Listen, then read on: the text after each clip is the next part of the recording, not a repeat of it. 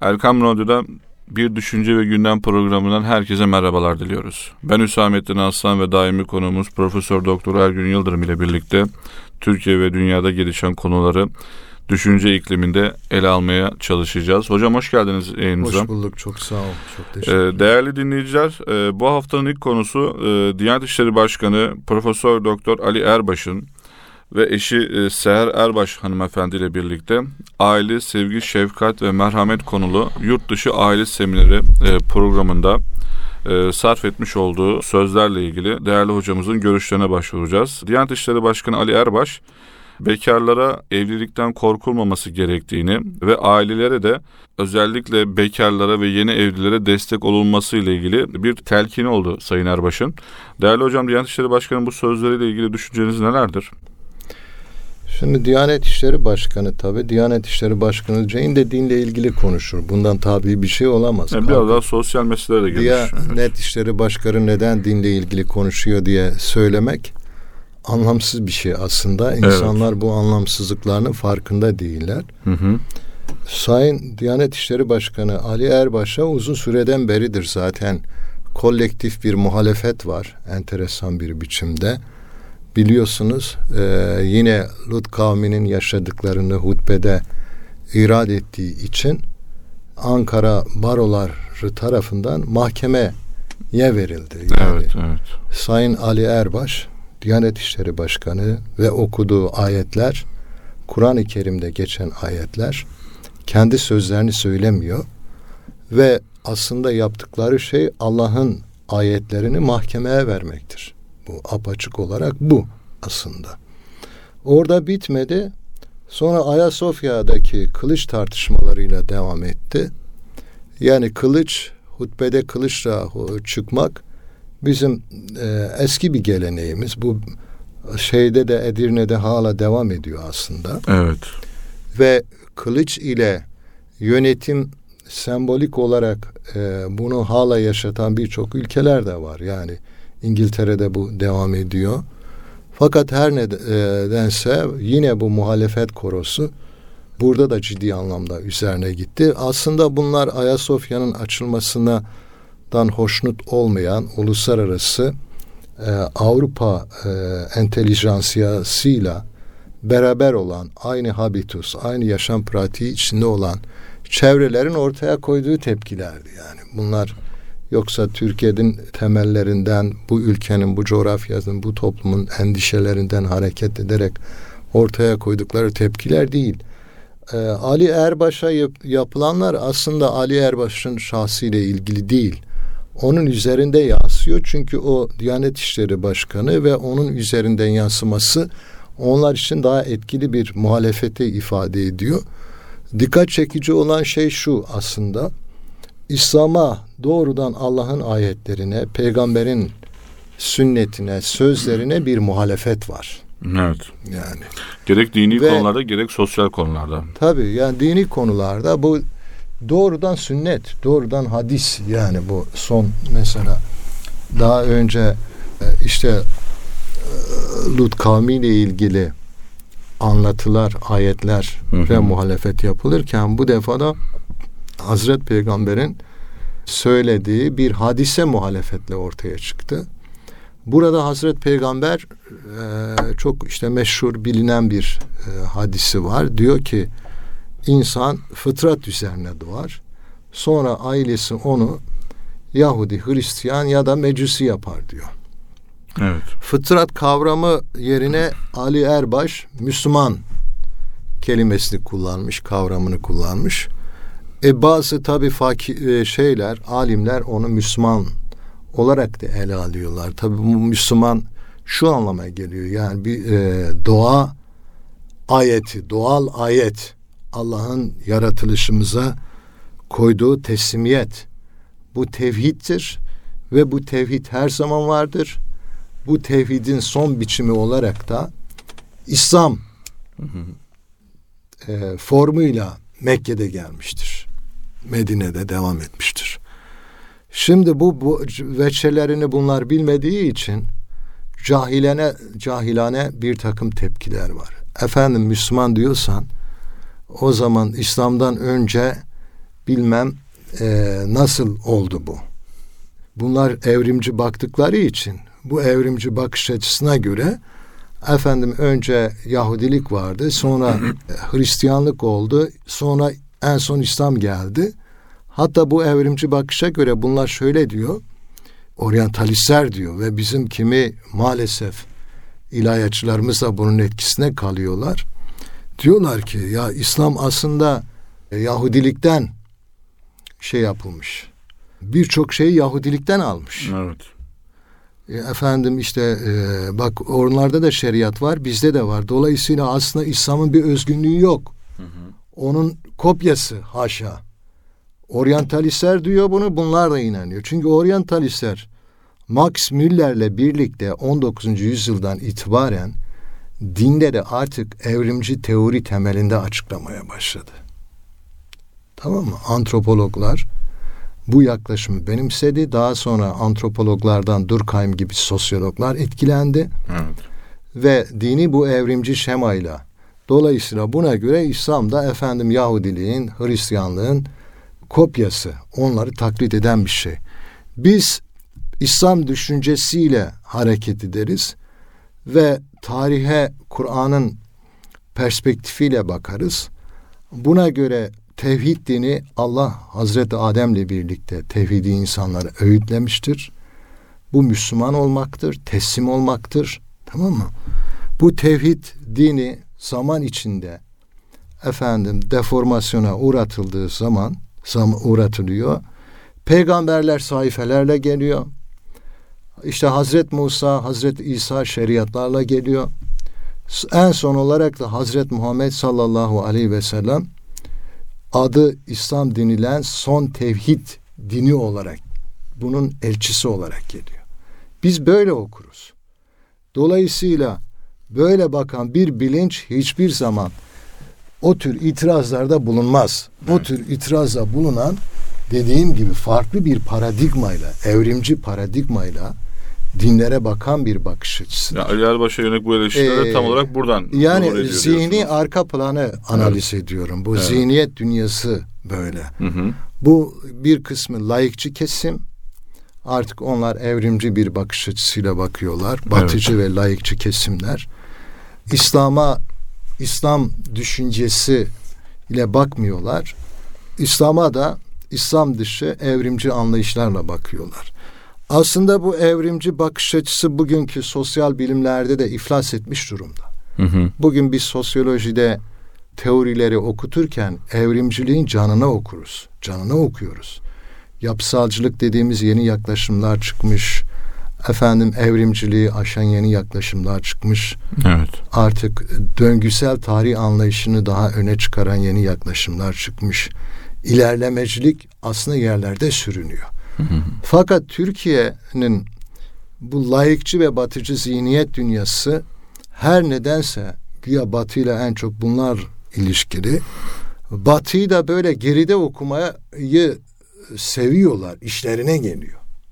Çünkü mesele sadece bir zihniyet dünyası, bir bilim meselesi değil. Aynı zamanda mesele Türkiye'yi etkileme meselesi, Türkiye'yi yönetme meselesi, Türkiye'de egemen olma ve egemenliğini kaybetme meselesidir. Evet.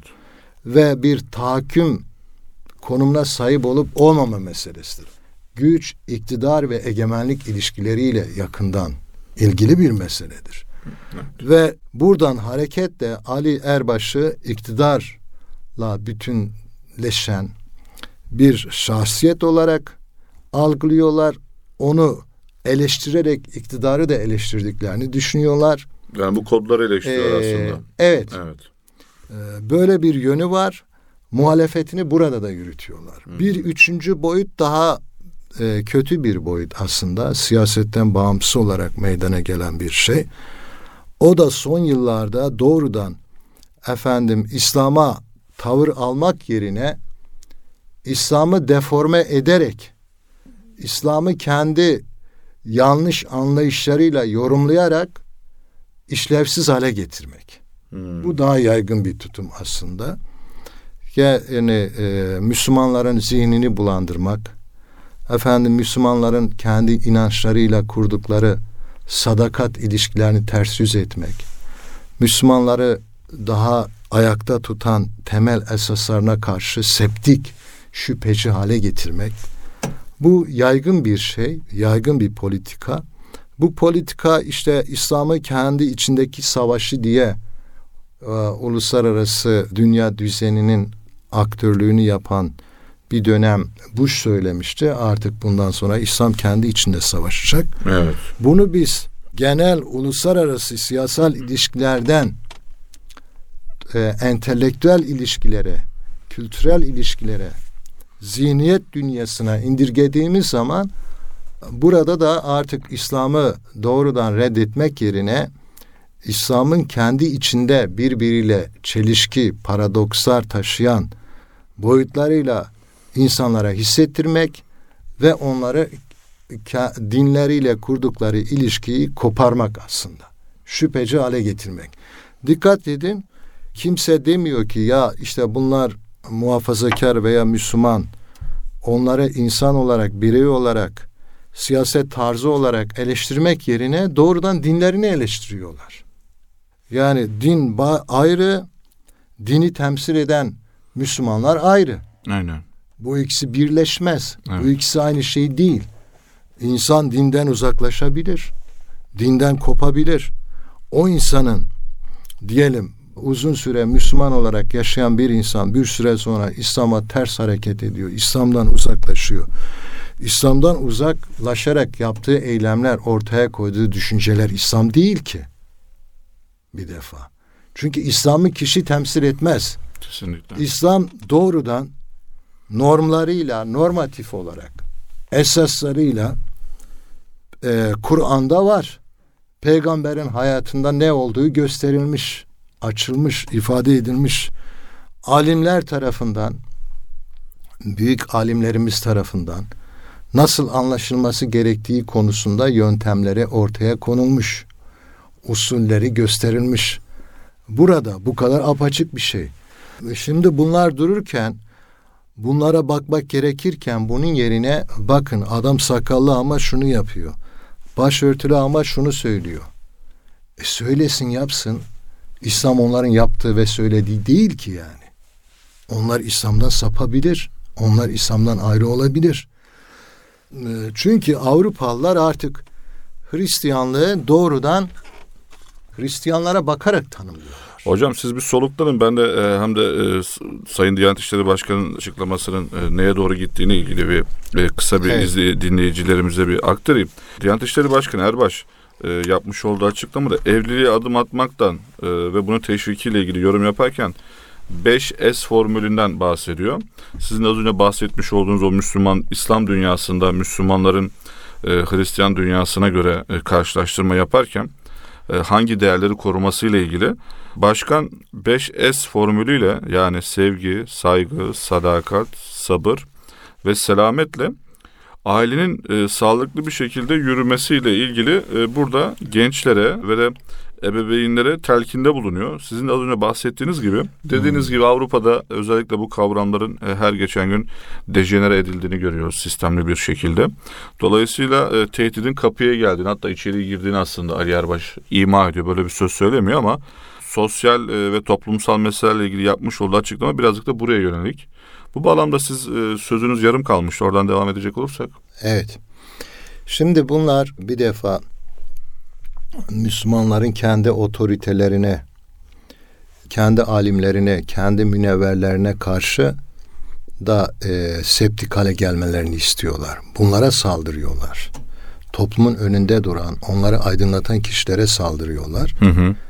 Onları normal bir eleştiriyle eleştirmiyorlar. Tabi Ali Erbaş'a diyor ki bunları söyleme diyor. Evet, Milleti uyandırma diyor. Aynen. Yani yaptıkları o. Şimdi bu Ali Erbaş'ın söylediği ne? Bir hadisi şerif.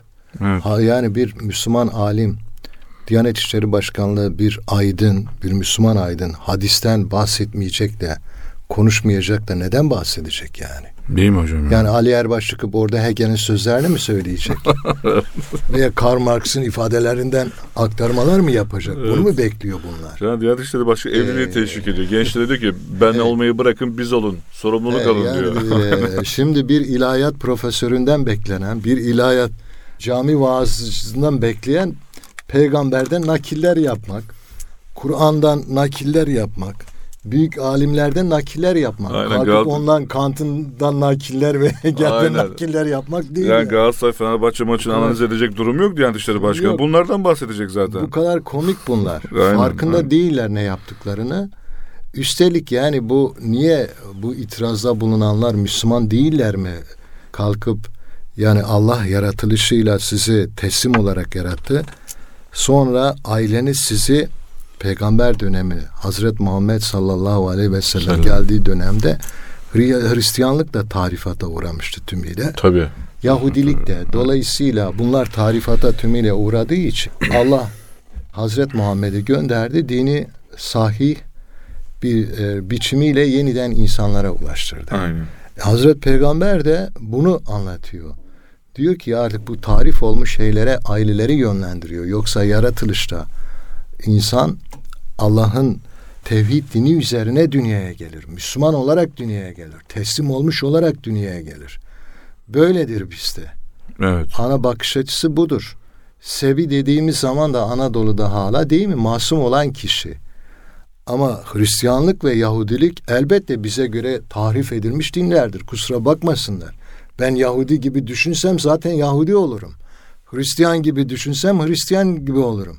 Bir Müslüman efendim objektif bakacak da sana göre Müslüman. E tabii ki bana göre olacak. Ben Müslümanım ve bana göre İslam Allah'ın kemale ermiş son dinidir, haktır, hakikattir ve ben oraya teslim olurum ve o buradan baktığım zaman da Yahudilik de Hristiyanlık da tarif olmuştur. Evet. Ee, Yani kalkıp bizden şeyi beklemesin kimse. Dinler eşittir, eşit bakacağız. Eşit bakamayız. Bir araştırmacı olarak araştırırken eşit bakarsın. Aynen. Ama dinle bireysel bağlamda ilişki kurduğumuz zaman eşitlik mevzu bahis olamaz. Bu ancak ateist olan, deist olan laik tiplerin savunabileceği bir şeydir yani. Bir normal Müslümanın savunacağı bir şey değil. Dolayısıyla aslında bunlar Ali Erbaş'ı ateistik ve deistik bir dinler eşitliğine davet ediyorlar. Kesinlikle. Yani Ali, Yaptıkları bu yani aslında. Ali aile içine vefayı, fedakarlığı Tamam. ve dayanışmayı önemine vurgu yapıyor başkan. Onu görmüyorlar. Evet. Ona dikkat etmiyorlar. Ona bakmıyorlar. Cımbızsa bir, hadisi bir de hadisi kalkıp sorgulamak sizin haddinize mi? Yani karikatürize ediyorlar. Diyorlar ki Erbaş yine hadisi konuştu. elbette sen Müslüman değilsen, değilsen, ateistsen kalkıp hadisi eleştirebilirsin hakaret etmedikten sonra ayrı. Hı hı hı hı. Ama Müslümanım deme hakkın da yok. Çünkü hadisi inkar ediyorsun yani. Evet. bir hadise septik bir bilinçle yaklaşan bir insanın e, Müslümanlığı sorgulanır. Ama hadisin ravi zinciri doğru mu değil mi araştırmacı bilinciyle hareket etmesi ayrı, kalkıp hadise bu kadar septik bir bilinçle yaklaşması ayrı. Bu da yine şunu hatırlatıyor. Evet. Türkiye kamuoyunda hadislerle ilişki kurma konusunda septik anlayışı yayan çevrelerin de ne kadar etkili olduğunu gösteriyor. Bu septik anlayışla neyi kastediyorsunuz? Septik anlayış için? dediğim şu yani e, mutlak şüpheci, Evet. mutlak şüphecilik felsefede Sürekli Önemli bir akımdır. Evet. bu mutlak şüphecilik anlayışını getirip hadislere karşı da ortaya koyan çevreler oldu Türkiye'de biliyorsunuz. Hı hı hı. Ulu orta her yerde konuştular. Önüne gelen her hadise yönelttiler. Bu yöntemsel şüphe dediğimiz şeyle alakası yok bunun. Bilimsel yöntem olarak yöntemsel şüphe vardır. Ama burada serseri bir şüphecilik vardır. Felsefi bir şüphecilik vardır. Mutlaklaştırılan bir şüphecilik vardır. Bu Türkiye'ye çok ciddi anlamda zararlar verdi, zararlar veriyor. Bu son hadisede de bu gözüküyor. Yani bir hadis çünkü söyleniyor. Evet. Çok bilinen meşhur bir hadis ve insanlar kalkıp bunu kamuoyunda tartışıyorlar, konuşuyorlar ve ne yaptıklarının da farkında olmadan arsız bir biçimde tartışıyorlar. Evet. Zaten hocam şöyle bir şey var. Ee, Erbaş'ın toplumsal ve sosyal meselelerle ilgili yapmış olduğu bu çıkışlar özellikle layıkçı ve seküler kesimlerde Erbaş yine konuştu. Yani böyle bir karikatürize getir, e, karikatürize etmek, alaycı bir dil. e, Yani sarkastik bir dille e, şey yapılıyor, ele alınıyor. Böylelikle Erbaş'ın söylemlerindeki içerik muhteva da geniş bir kitle ulaşması, ulaşıyorsa bile değersizleştirilmeye çalışılıyor. Değerli hocam programımızın ilk bölümünün sonuna geldik. Değerli dinleyiciler programımıza kısa bir ara veriyoruz. Aradan sonra kaldığımız yerden devam edeceğiz. Buluşma noktamız Erkan Radyo. Değerli dinleyiciler programımıza kısa bir aradan sonra tekrar devam ediyoruz. Aradan sonra bir e, YouTube medya kanalında ismini de verelim. Döçevil Türkçe'de e, bir paylaşım gerçekleşti hocam Çerkezlerle ilgili.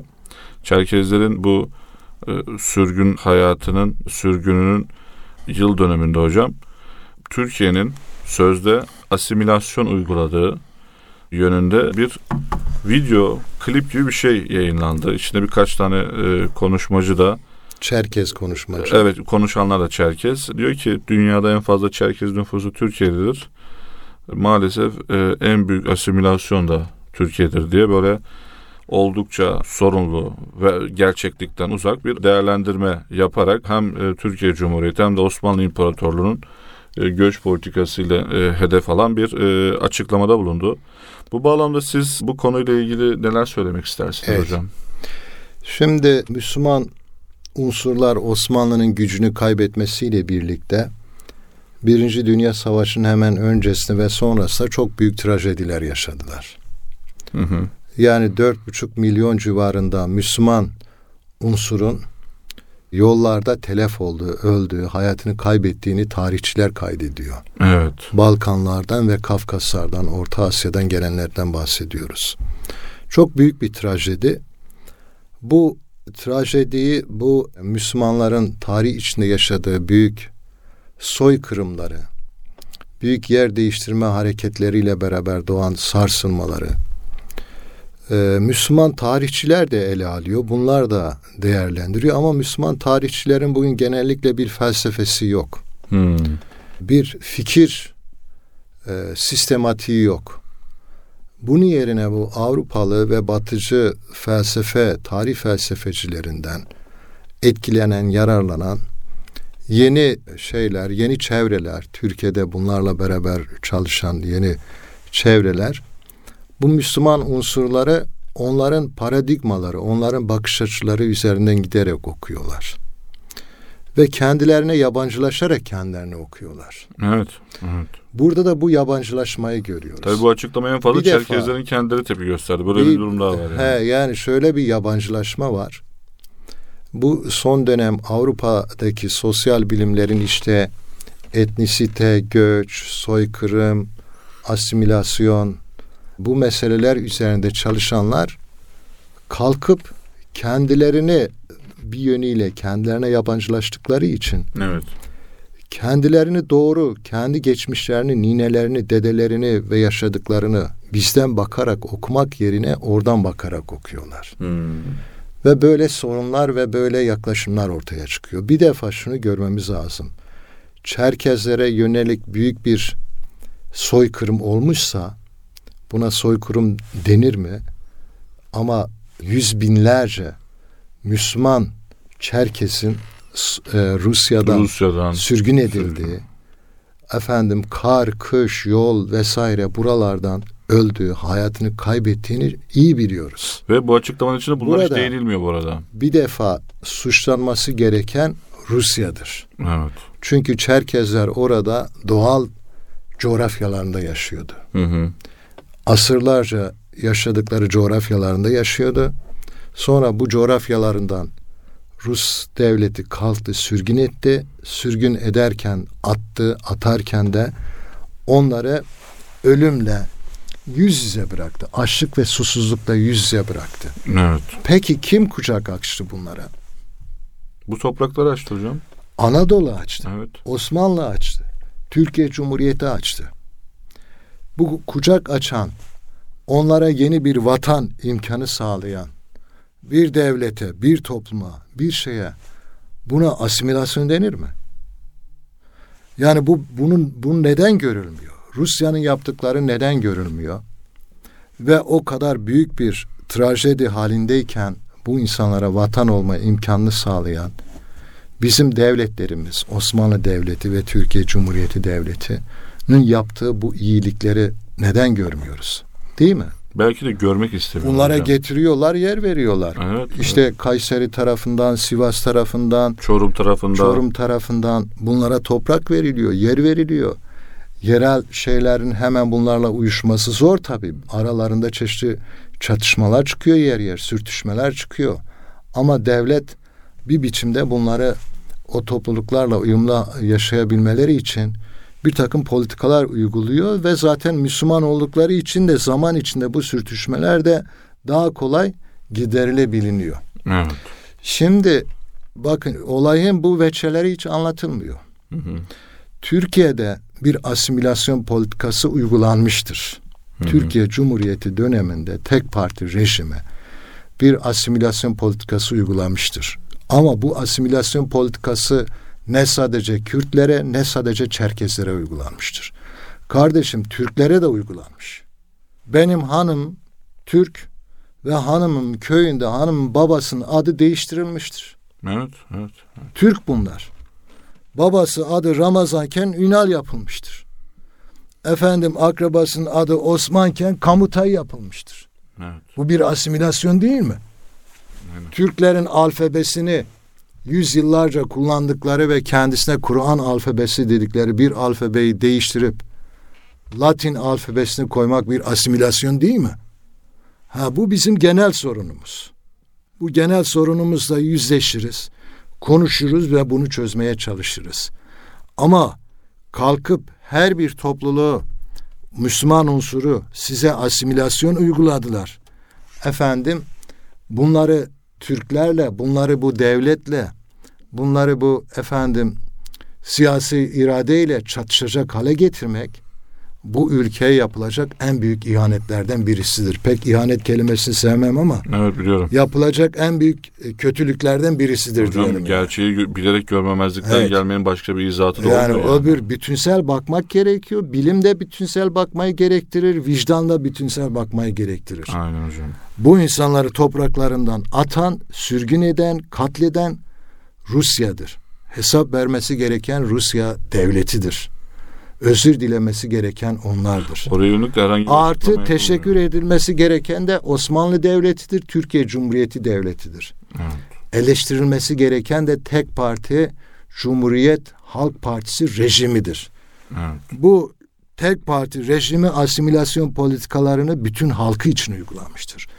Bütün Müslüman halk için uygulamıştır. Sadece dediğim gibi Kürtlere, Çerkezlere vesaire değil, Türklere de asimilasyon politikası uyguluyorlar kardeşim. Adına Türk diyorsun ama kalkıp alfabesini Latin yapıyorsun. Evet.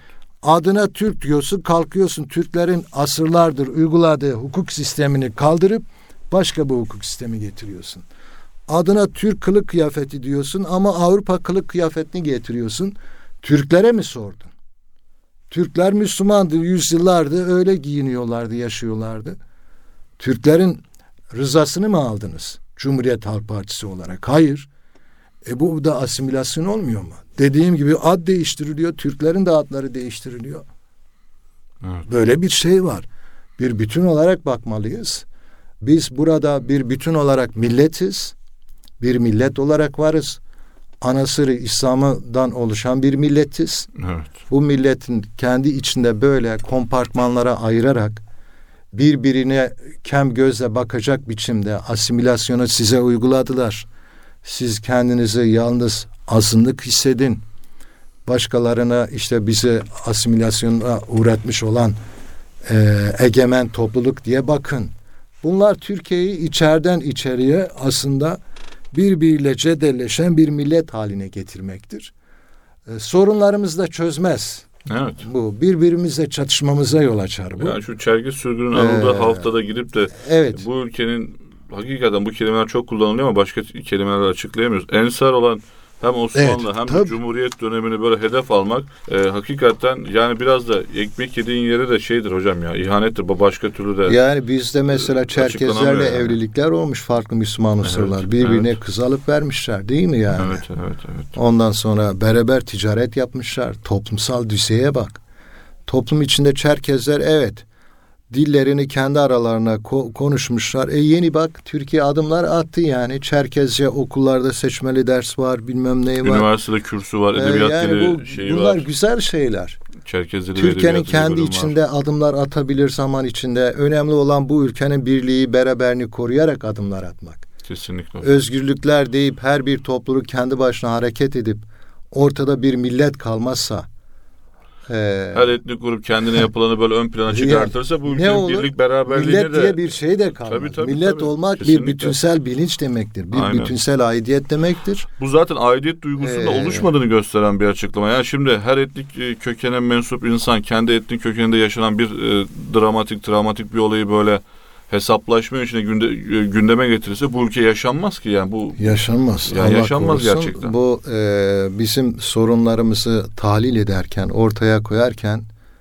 daha ilmi bakmamız gerekir. Daha hakikaten gerçeklere gerçek olarak bakmamız gerekiyor. Dediğimiz gibi Çerkes sürgünü apaçık bir biçimde tarih kitaplarında yazar. Burada Rusya'nın çok büyük bir vebali var. Çok ilginç oraya Ee, hiç kimse eleştiride bulunmuyor. he. O da başka bir garabet. Yani eleştirilecek varsa en başta burada Rus devletidir. Rus halkı da demiyorum yani. Evet, evet. De, o dönemin devletidir. Yani bugünkü devlet de değil. Şimdi hani e, itaat terakki diyelim tehcir politikalarını uygulamış. E, itaat terakki bir siyasi parti. Cumhuriyet öncesi bir e, siyasi iktidarı temsil ediyor. Kalkıp bütün Türkleri, bütün Türkiye'yi, bütün Türkiye Cumhuriyet Devleti'ni bundan mesul tutan çevreler ne kadar büyük bir yanılgı ortaya koyuyorlarsa Ermeni meselesinde burada da aynı şey söz konusu. Bakın Türkiye Ermeni meselesinde işte Kürt meselesi şimdi de Çerkez meselesi gibi bir mesele üretmeye Evet, bu etnik çalışıyorlar. e, gruplara et- Bunlar ciddi sorunlar Türkiye etnik için. farklılıkların bu kaşınması çok ciddi bir şeydi yani pek hoşlanmıyorsunuz ama bu güvenlikçi politikaları da gündeme getiren bir hadise. Birlik E, beraberliğe evet, de aykırı bir e, durum. bu güvenlikçi politikaları da kaşıyan bir şey aslında. Aynen, Çünkü aynen. tehdit olarak algılanıyor. Aslında bu güvenlikçi politikalar e, devreye girince o zaman bu bizim ben etnik de demiyorum. Anasırı İslamiye diyorum. Evet. Bu anasırı İslamiye de kendi farklılıklarını yaşama konusunda daha rahat davranamıyor. Daha özgür olamıyor. Evet, evet. Tamam mı? Sürekli köşeli konuların gel, Ee, e, gelmesi, çünkü- travmatik meselelerin genele Böyle uygulanması. gündeme getirenlerin amacı zaten bu unsurlar özgür yaşasınlar değil. Bu özgür bu unsurlar kendilerini dışlanmış, ötekileştirilmiş, yalnızlaştırılmış, Evet. azınlık hissetsinler, birbiriyle çekişip dursunlar. Evet. e, Mesele bu yani ya aslında. duygusu sakın gelişmesin, Ya toplumsal kardeşim, bu birlik ülke bizim gelişmesin. ülkemiz ya. Niye kendini- başka bir şey değil bu. Milli mücadeleyi yürütürken bu Müslüman unsurlar beraber bu ülkeyi savunmadılar mı? Beraber din, namus, vatan demediler mi? Hı, hı hı. Beraber aynı bayrağı taşımadılar mı? Beraber efendim Erzurum Kongresi'ne, Sivas Kongresi'ne katılmadılar mı? Beraber birinci meclisi açmadılar mı? Beraber bir İstiklal Marşı'nı okumadılar mı? Kesinlikle. Değil mi? Bizim millet olarak var olan kurucu ruhumuz bunlar. Bu kurucu ruhumuzu her zaman canlı tutmalıyız. Helalde getirilme, Biz- getirilmesine müsaade Bugün Türk gerekiyor. milleti deniyor adına. Bu Türk milleti de demek şudur. Anasırı İslam'ın oluşturduğu bir konsensustur, bir millettir. Evet. En temelinde, en özünde İslam vardır bunu. Yani biz böyle bakarız. Gerçeklik de böyledir yani. Ya ben e, ilk e, şeyi röportajı gördüğümde şok oldum. Yani e, tam bu sürgünün seneyi devresinin iade edildiği dönemde Türkiye Cumhuriyeti'ne Osmanlı İmparatorluğu'na bir teşekkür beklerken Tam tersine düşman hale getiriliyor. meğer içinde başka bir düşmanlık yatı- Evet. yatan bir açıklama oldu. Değerli dinleyiciler bu haftada bize ayrılan sürenin sonuna geldik. Bir başka konuk, bir başka gündemle tekrar görüşmek dileğiyle. Sağlıkla kalın, esenlikle kalın.